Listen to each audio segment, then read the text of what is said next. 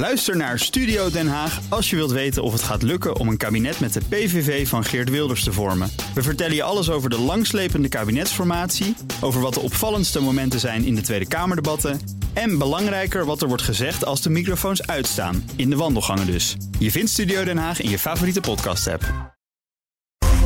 BNR's Big Five van het duurzaam beleggen wordt mede mogelijk gemaakt door Triodos Investment Management. Al 25 jaar pionier in groen beleggen.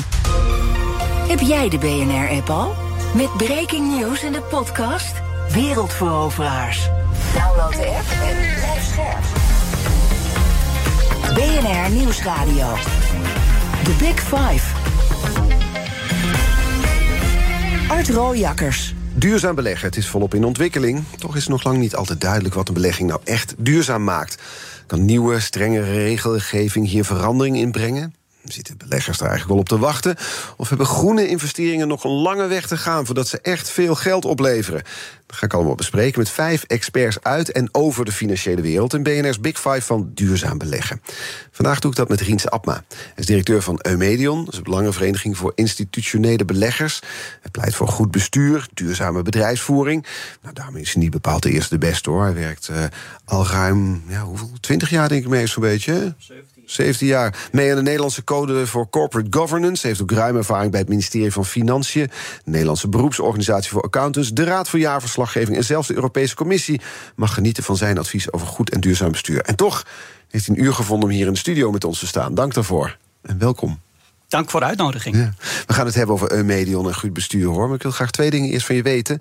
Allereerst, stel ik wil naar de hele wereld, iedereen, duurzaam laten beleggen. Waar begin ik dan? Bij de belegger of bij de belegging? Nou, ik denk dat, dat het bij de belegging uh, begint. Hè. Dus, dus je moet voldoende aanbod hebben om uh, ecologische, sociale en governance uh, issues mee te kunnen wegen in zo'n product. Maar het gaat uiteindelijk ook om de belegger die de wil heeft om in dat soort producten te beleggen. Dus het is een tweesnijdend zwaard eigenlijk. Ja. Je moest kiezen, Riens. Ja, ja dus dan. Uh, ja, het, het begint echt wel bij de mindset van de belegger. Want kunnen we ons uit de ellende beleggen? Dat is een vraag die Bas van Werf me net stelde. Hij had uh, het FD gelezen, zoals we hier allemaal doen bij BNR. De opening vandaag. Het IMF zegt: aanpak van klimaatverandering zal de staatsschulden opjagen. Wat gebeurt er nu? Landen vinden het vooral fijn om su te subsidiëren. bijvoorbeeld zonnepanelen, noem maar op en zo. Ja. En een heleboel andere subsidies. Maar daardoor loopt die staatsschuld op. Wat beter werkt, zegt het IMF, is: komt die beprijzen van CO2. Inmiddels ja. ingevoerd in 49 landen. Op die manier kun je je staatsschuld nou ja, op peil houden. Alhoewel die ook zal stijgen door al die klimaatmaatregelen die op ons af gaan komen. De vraag van Bas was: kunnen we ons hieruit uit die ellende beleggen? Nou ja, dat, dat is een van de mogelijkheden hè, om, uh, uh, om, om, om in ieder geval de gewone man en de, en de, en de pensioenfondsen ook aan het ESG-beleggen te krijgen. ESG-beleggen? Uh, ecologisch, sociaal en governance. Mm. Hè, dus dat zal vast uh, vaak terugkomen Precies, ja, uh, het, komend uur, het komend uur. Ik ja. ben het wel eens met, met, met het IMF. Van het is zo makkelijk om veel subsidies te geven. Dat doet niemand pijn. Nee, kom, behalve, nooit tegen opstand. Nee, behalve dus dat je het doorschuift naar de volgende generaties. Dat zij opgezadeld zitten met vrij hoge staatsschulden. En dat moet uiteindelijk wel een keer terugbetaald worden.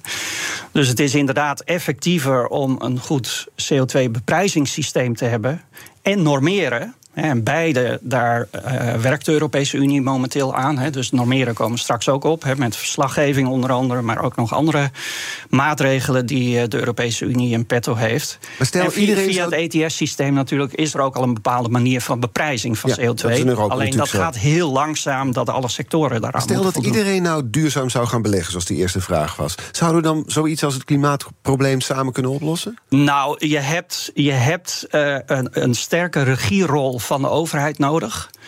Maar de factor kapitaal is natuurlijk een hele belangrijke aanzwengelende factor bij het bedrijfsleven. Uiteindelijk uh, veroorzaakt het bedrijfsleven natuurlijk ook heel veel CO2-uitstoot. Mm -hmm. En ik denk dat de factor kapitaal, dus onze leden, pensioenfondsen, vermogensbeheerders en verzekeraars, daar een hele belangrijke rol hebben om dat verder aan te zwengelen bij het bedrijfsleven, zodat zij overschakelen naar hernieuwbare energie.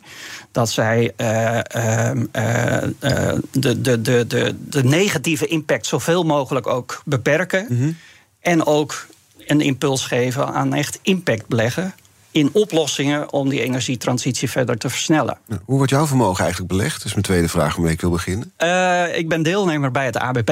ABP is een van de meest vooruitstrevende uh, pensioenfondsen op het terrein van duurzaam uh, beleggen. En ik heb nog een, een, een beleggingsfonds dat ook duurzaam belegt.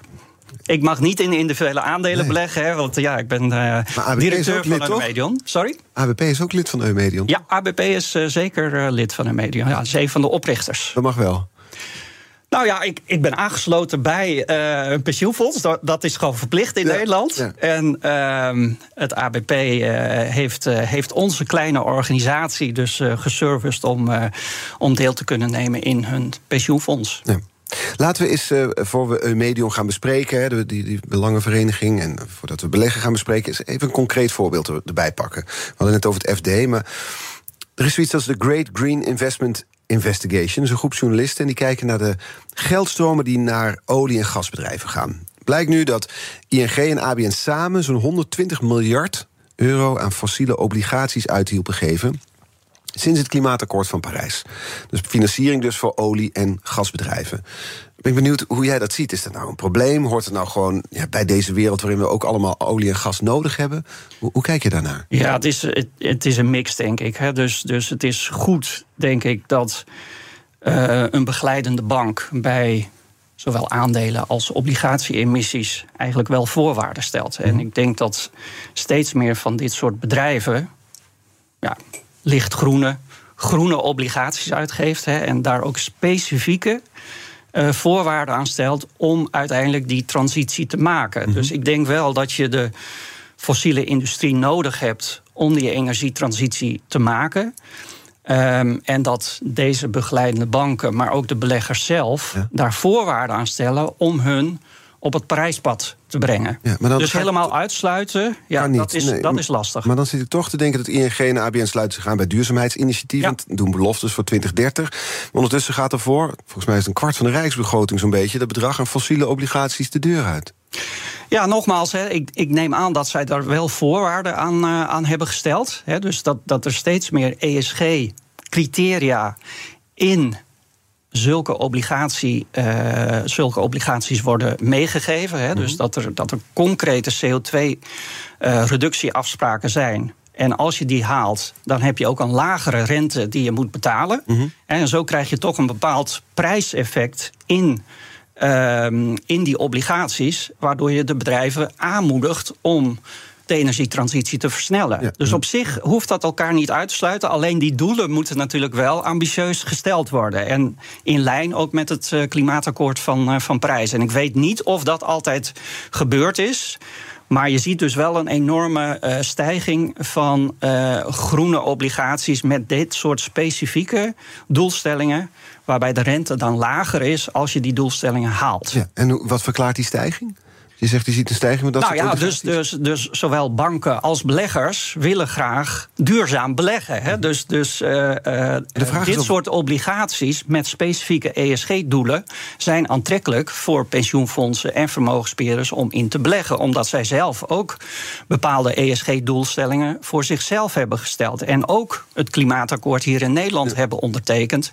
En eigenlijk elk wereldwijde vermogensbeheerder ook het klimaatakkoord van Parijs eh, ondersteunen. Snap je dat het ergens dubbel voelt? Dat je aan de ene kant dus duurzaamheidsinitiatieven hebt... En, en de wens vanuit de beleggers. En banken die zich zeggen, ik sluit me aan bij die duurzaamheidsinitiatieven... beloftes doen voor Ja. 2030. En aan de andere kant dus voor zo'n enorm bedrag... aan fossiele obligaties de deur uit doen. Ja, nou, nou ja, de deur uitdoen. Hè. Dus het zijn altijd bedrijven die die eh, obligaties uitgeven... en de banken eh, begeleiden ze. Goeie nuance, maar je snapt wat ik bedoel. Ja. Ja, nee, tuurlijk, tuurlijk. Maar daar zit ook een dilemma tussen de sociale doelen en de milieudoelen, om zo maar te zeggen. hè. Dus je Mhm. moet, je moet de bevolking wel meenemen in dit verhaal, omdat eh, het behoorlijke consequenties kan hebben voor de inkomensposities van eh, de burgers. Hè. Dus eh, je ziet al de energieprijzen afgelopen jaren die enorm zijn gestegen. Niet zozeer dus door, door, door ehm, eh, ja, specifieke klimaatdoelen, maar wel ehm, de oorlog in, eh, in Oekraïne.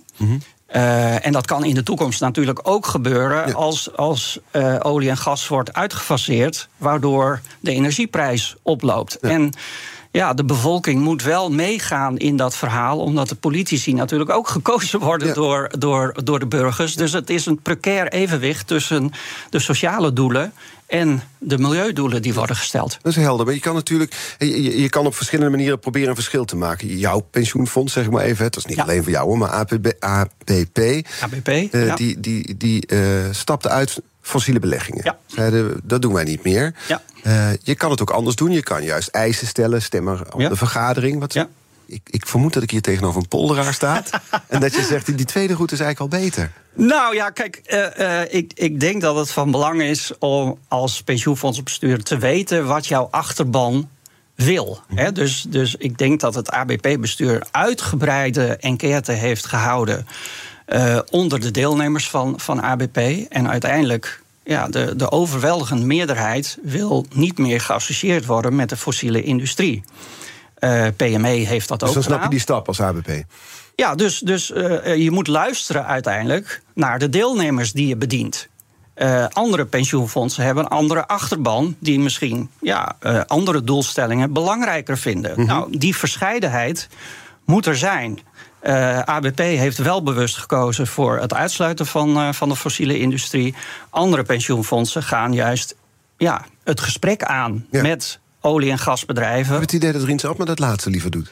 Nou ja, goed. Ik, uh, ik, ik, ja, vind, ik vind het lastig om, om, om, om bedrijven uit te sluiten. Uh, maar er moet uiteindelijk wel geleverd worden. Dus dat, als je zegt met een bedrijf, nou, wij spreken af.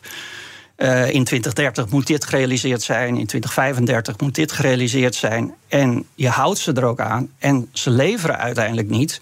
Ja, dan moet je dus wel de ultieme consequentie ook kunnen aanvaarden om dan uiteindelijk uit te stappen.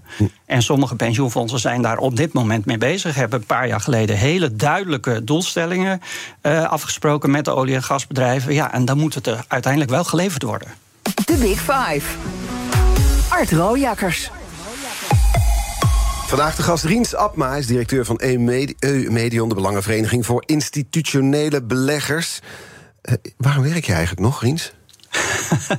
Omdat ik uh, heel veel passie heb met dit onderwerp. Dus je bent Zowel klaar corporate namelijk, governance als, als, duurzaamheid. Ja, maar je bent klaar, want je hebt een Lifetime Achievement Award gekregen... ja. van het International Corporate Governance Network. Ik moest het even opzoeken om eerlijk te zijn, kende het nog niet. Twintig ja. jaar lang strijd je al voor verantwoordelijk bestuur. Werd ja. uitgereikt in Toronto, die prijs. Ja, klopt. Kan in de zetel gaan zitten, op de bank gaan liggen, Ja, mijn, mijn, leven is voltooid je bent uh, klaar. eigenlijk. Hè? Ja. Van wat kan ik nu nog uh, bereiken in mijn leven? Dat is de kroon op je grafsteen straks. ja, precies. Maar er moet nog zoveel gerealiseerd worden uh, hier in Nederland en in het buitenland. Dus op het terrein van duurzaamheid. Uh, maar ook op het terrein van goed ondernemersbestuur. Dus uh, onze missie is nog niet voltooid vanuit de Medion. Uh, we hebben net een nieuwe mi missie ook geformuleerd. En ik wil daar alle kracht nog onder zetten om die uiteindelijk over vier, vijf jaar te realiseren. Mm -hmm. Dus je was trots, neem ik aan. Maar ik was zeer trots natuurlijk, klaar, omdat het een soort internationale erkenning is. het is. Het is een gerenommeerde internationale organisatie. En als het ook um, ja, gewaardeerd wordt, niet alleen in Nederland, wat je hier hebt gepresenteerd, maar ook in het buitenland, via de Europese mm. Commissie en, en, uh, en andere instituten die we in het buitenland he, mede hebben opgericht, ja, dan, dan voelt dat natuurlijk wel als een, uh, een mooie waardering. Ja, om er even te citeren, het is gezien, het is niet onopgemerkt gebleven. Precies. Ja. het, het, is een belangenvereniging voor institutionele beleggers, Eumedion. Uh, ja. Heel even voor de luisteraar die net inschakelt, wat is een institutionele belegger? Gaan we even de definities aflopen? Een institutionele belegger belegt voor, voor haar deelnemers, mm -hmm. klanten, de, de, de pensioendeelnemers en zijn pensioenfondsen, verzekeraars en uh, vermogensbeheerders. De grote jongens, hè? De grote, We hebben het over de ja. belangrijkste beleggers, denk ik, toch wel op de financiële markt. Hè? Met dus ook de meeste invloed? Ja, nou ja, ze, ze, ze houden ongeveer 80, 85 procent van alle aandelen van Nederlandse beursgenoteerde ondernemingen. In het buitenland iets minder. Dus uh, ja, ze hebben een doorslaggevende stem uh, in de besluitvorming op aandeelhoudersvergaderingen. En kunnen dus ook via dat zeggenschap ook kracht bijzetten in de discussies met ondernemingen. Ja. En dan zijn jullie de Belangenvereniging. Probeer ik heel even ook een kaart te brengen waar jullie dan staan, zeg maar, op de lijn van bijvoorbeeld activisme. Je hebt bijvoorbeeld de Vereniging van Effectenbezitters, richt zich voornamelijk op activisme voor aandeelhouders, adverteert ook zijn rechtszaken. Je hebt een stemadviesbureau, adviseert welke stem in jouw belang is als aandeelhouder. Waar, staan jullie? In dat rijtje? Nou ja, uh, uh, wij hebben als, als, als missie dat we het duurzaamheids- en governance-beleid van de Nederlandse beursvennootschap op een hoger plan willen trekken. Uh, daar hebben we verschillende instrumenten voor. In eerste instantie dat we.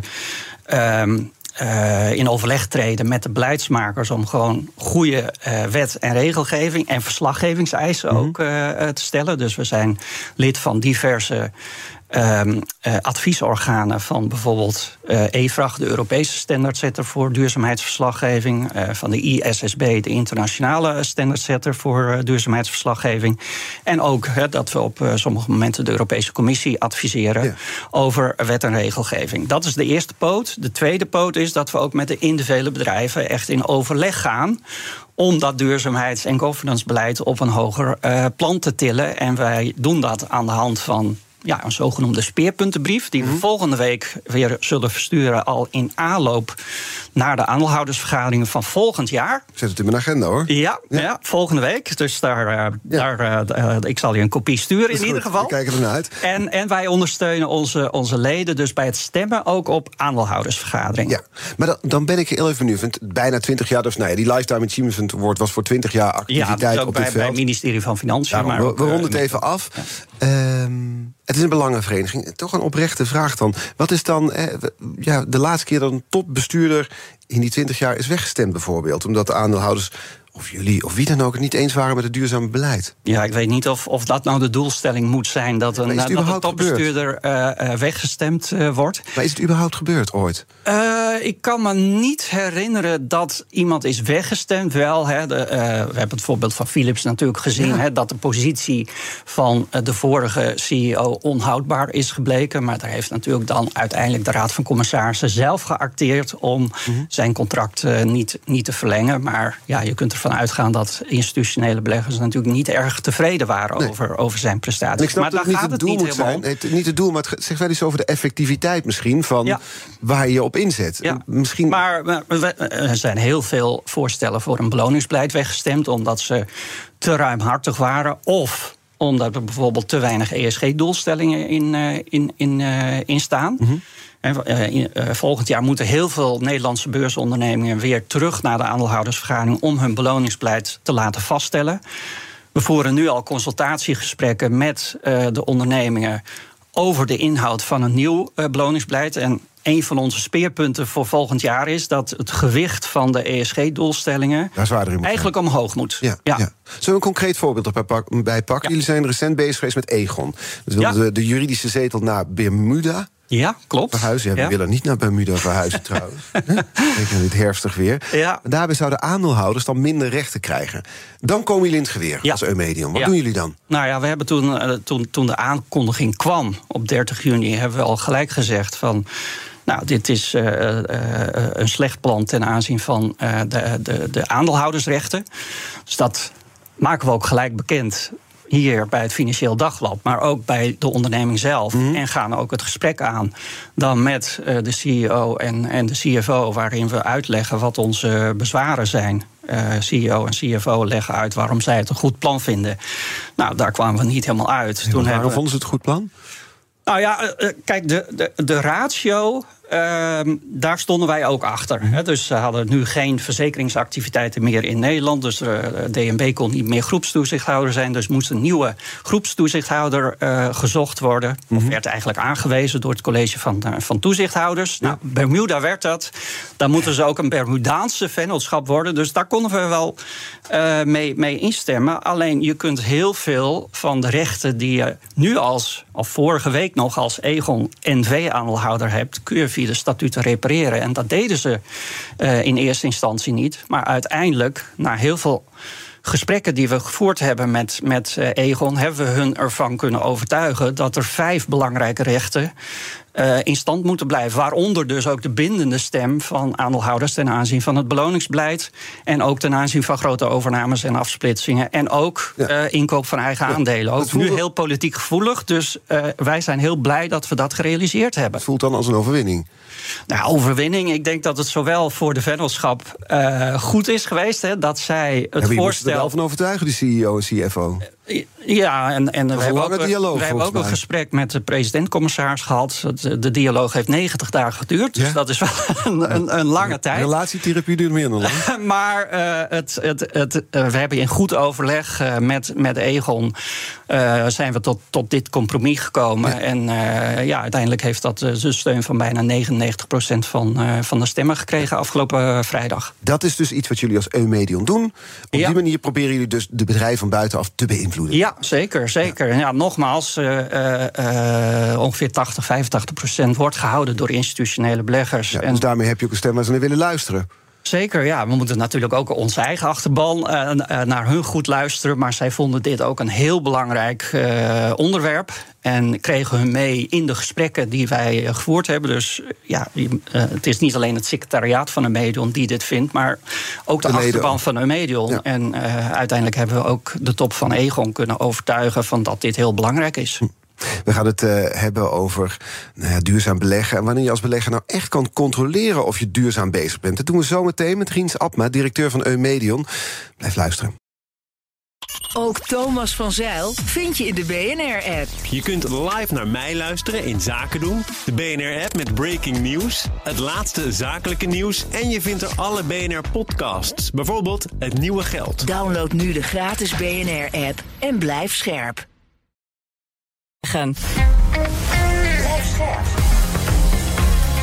BNR Nieuwsradio. The Big Five. Art Rooijakkers. Welkom bij het tweede half uur. Deze week vijf kopstukken uit de wereld van het duurzaam beleggen. Later deze week praat ik nog met Dirk Broeders. Hij is hoofd risicomanagement bij de Financiële Marktendivisie van de Nederlandse Bank. Vandaag de gast Riens Abma, directeur van Eumedion... de belangrijke vereniging voor institutionele beleggers... Komend half uur wil ik graag nog twee onderwerpen met je bespreken. Namelijk de rapportage over duurzaamheid en duurzaam beleggen zelf. Ehm, laten we met het laten we maar eens even beginnen. Want wat is het eigenlijk, duurzaam beleggen? Als je het heel simpel. Ja, we hebben het er de hele tijd over, maar iedereen ja. verstaat er ook iets anders onder. Ja, ja het is een heel breed uh, begrip. Ja, misschien heel simpel, waar vroeger je vooral keek naar financieel rendement tegen een verantwoord risico, mm -hmm. uh, zijn daar nu ecologische, sociale en governance minimumvereisten aan, uh, aan toegevoegd bij het beleggen eigenlijk van elke institutionele belegger. Dat, ja. dat misschien in een notendop. Ja, en dan heb je Europese regels, dat zijn de F's, F... SS, SFDR. Dat zijn ze. Ja, ja die geldt voor, uh, voor institutionele beleggers. En dan heb je de CSRD. Ja, daar hebben we geldt, veel die over geldt gehad. voor de beursondernemingen Precies. vanaf uh, volgend jaar. Die kwam gisteren veel voorbij. René Ori was mijn gast, hoogleraar duurzaamheidsverslaggeving aan de Nijrode ja. Business Universiteit. Hij had een kettingvraag voor je. Luister even mee. Ja, mijn vraag is uh, op mijn terrein en ik hoop ook op zijn terrein. Mijn vraag is welke informatie van ondernemingen en de wetenschap hebben institutionele beleggers nodig om duurzaam beleggen te versterken? Het kan best zijn dat we nu die informatie overload hebben. Dus ik wil eigenlijk van hem weten of die CSO ook werkelijk iets oplevert voor hem. Of dat het eigenlijk meer van hetzelfde is. Of dat er misschien wel rating agencies nodig zijn, altijd blijven, omdat het zoveel informatie is. Nou. Ja, het is een hele belangrijke richtlijn. Ja. Uh, we hebben er ook hard voor gestreden. We hebben er uh, al, uh, nou, ik denk zes, zeven jaar geleden aandacht voor gevraagd bij, de, bij de Europese Commissie. En nu is het zover.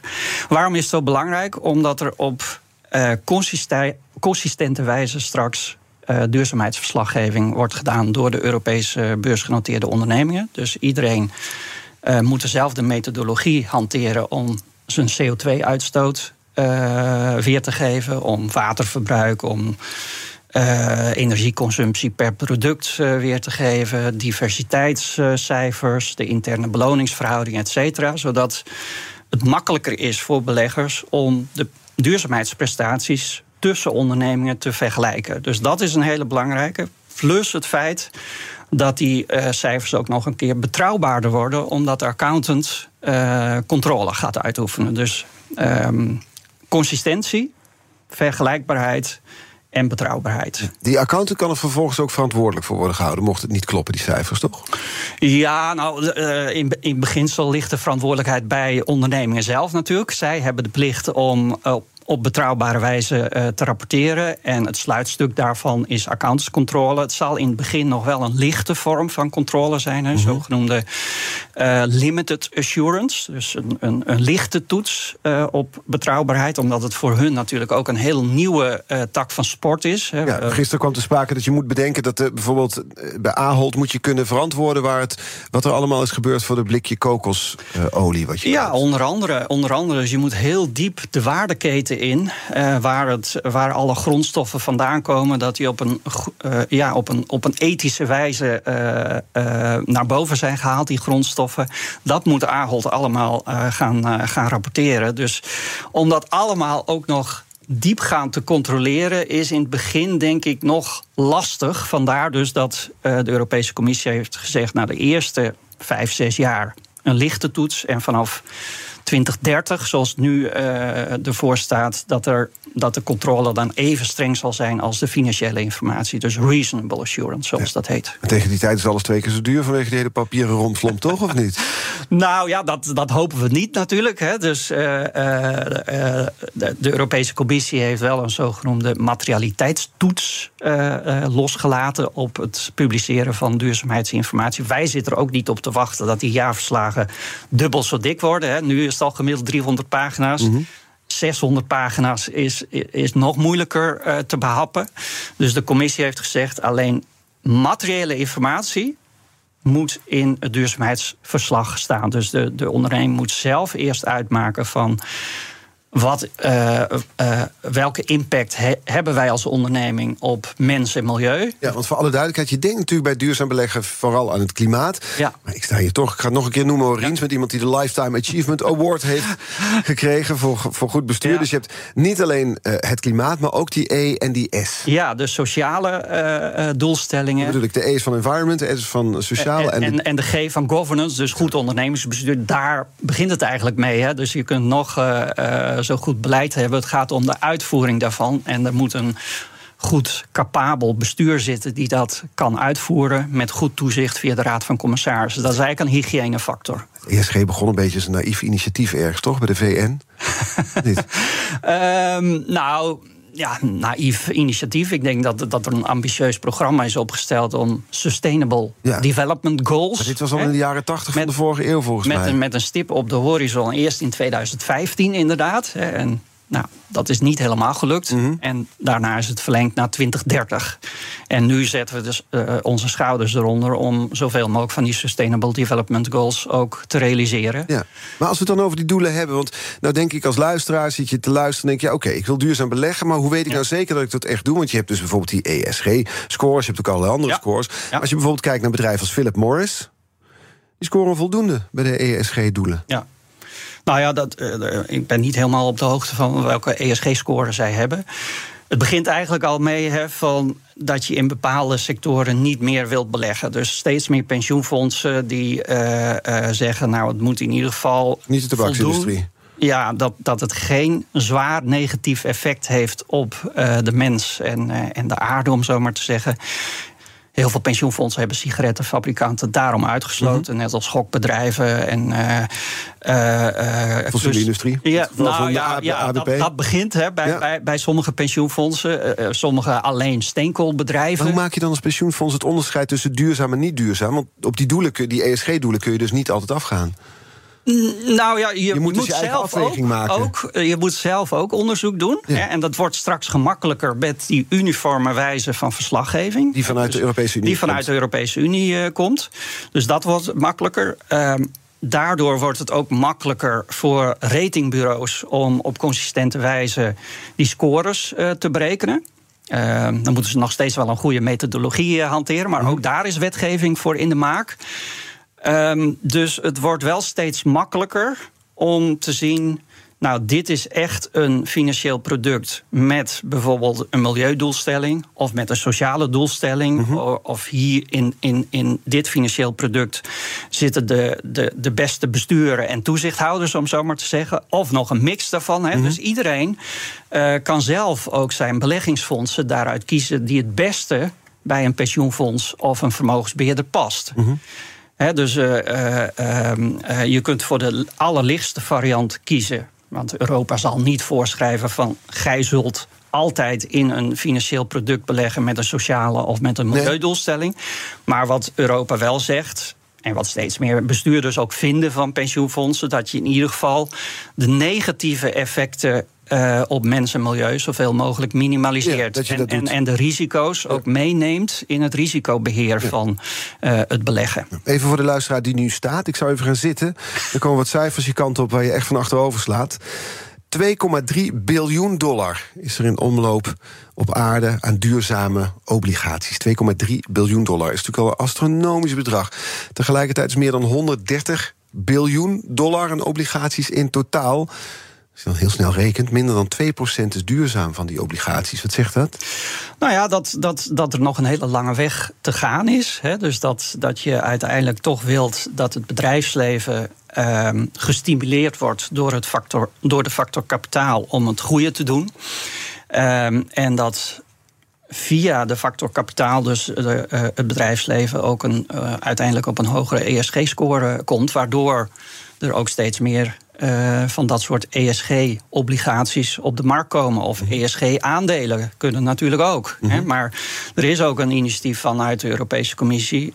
Die, om die green bonds ook eh, te stimuleren. Ja, want en om dat ook te standaardiseren. 40% in obligaties. Eh, nou, ik denk dat dat wel hoger is. Ja, ik denk dat dat wel hoger is. Hè. Ik denk zo'n 40% aandelen en misschien 50, eh 50% in obligaties. Ik weet het niet uit mijn hoofd hoor. Maar kun, dat, kun je al die portefeuilles dan verduurzamen?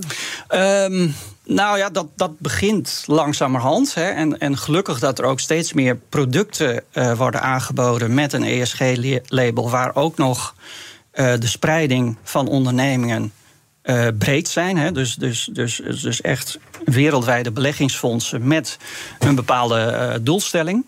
Ehm, dus dat, eh, ik denk dat dat eh, eh, ehm, ja, een hoge vlucht gaat nemen in de komende jaren. Ja. Of hoop je dat?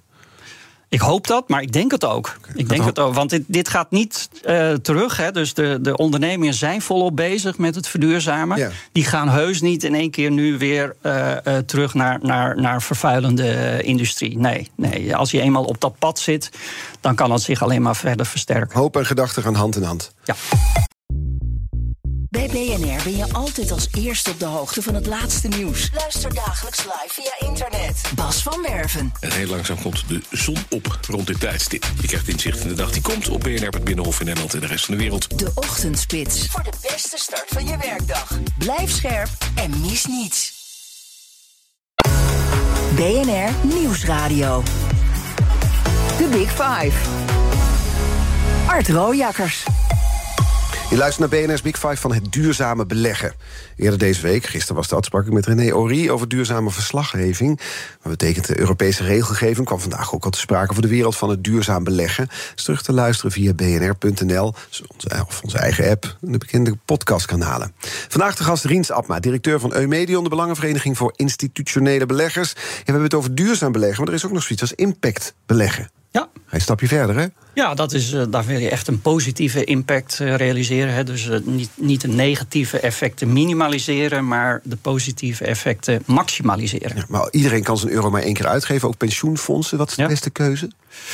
Nou, eh, een combinatie. Hè? Dus, dus je wilt eh, de negatieve impact eh, van bestaande bedrijven zoveel mogelijk beperken. Dat staat ook, ook in onze nieuwe missie. En dat is een hele belangrijke. Ook niet dat er, dat er mensenrechten geschonden worden in de hele waardeketen. Hè? Daar moet je aan denken.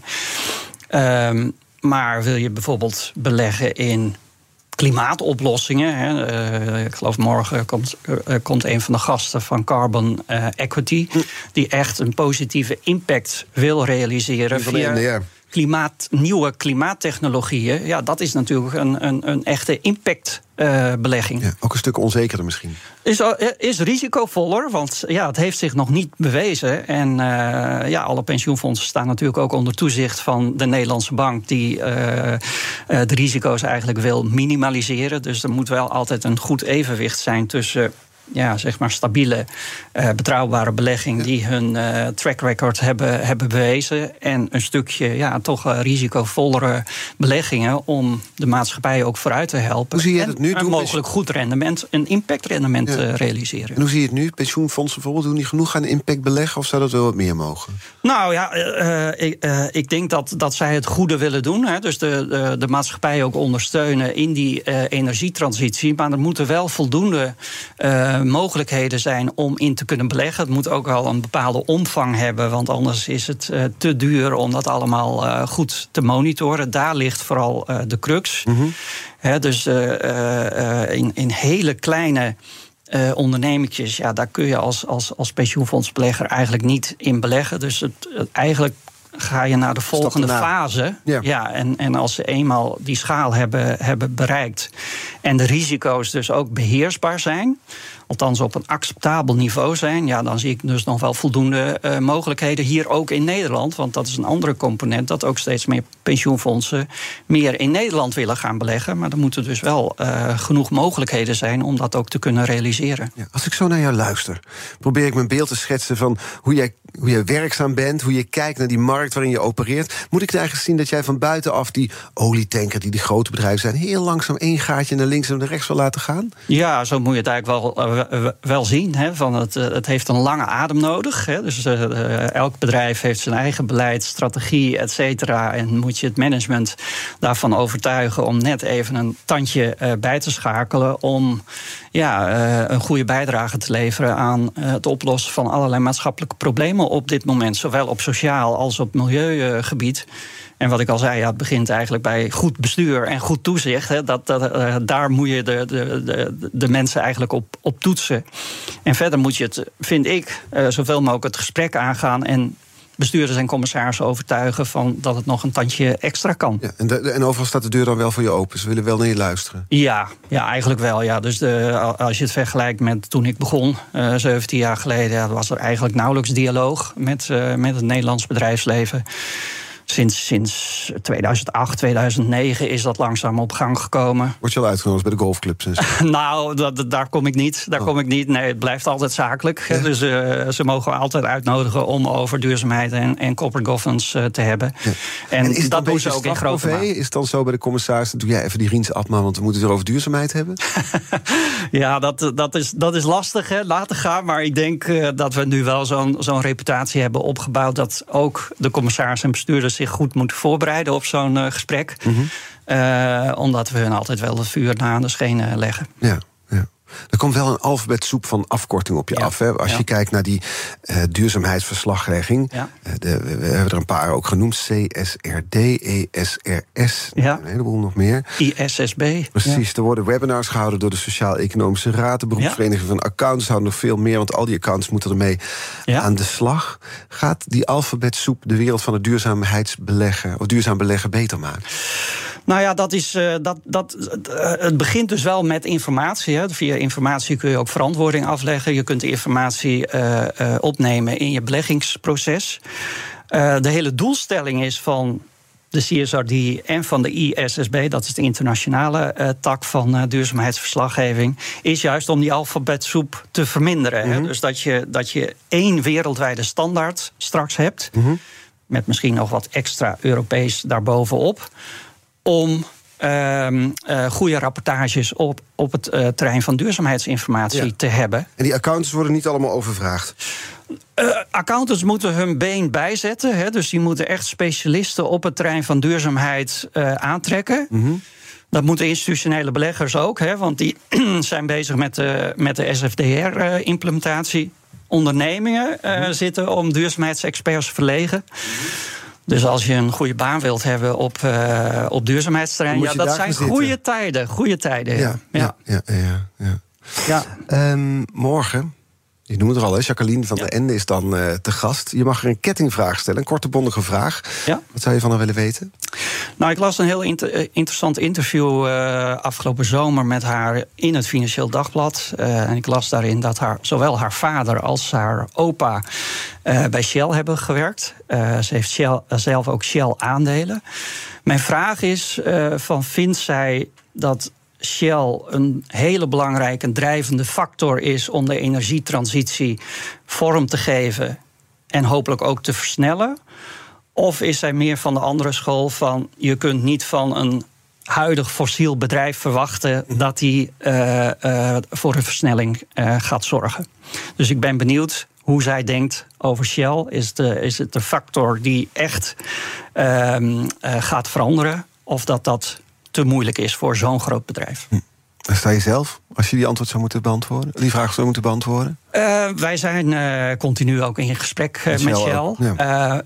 ik vind wel dat het te langzaam gaat op dit moment. en, en dat Shell eigenlijk wel een steentje mag, mag versnellen. Ja. Of iets mag, mag Tempo versnellen. mag verhogen. Ja, zeker. Ja.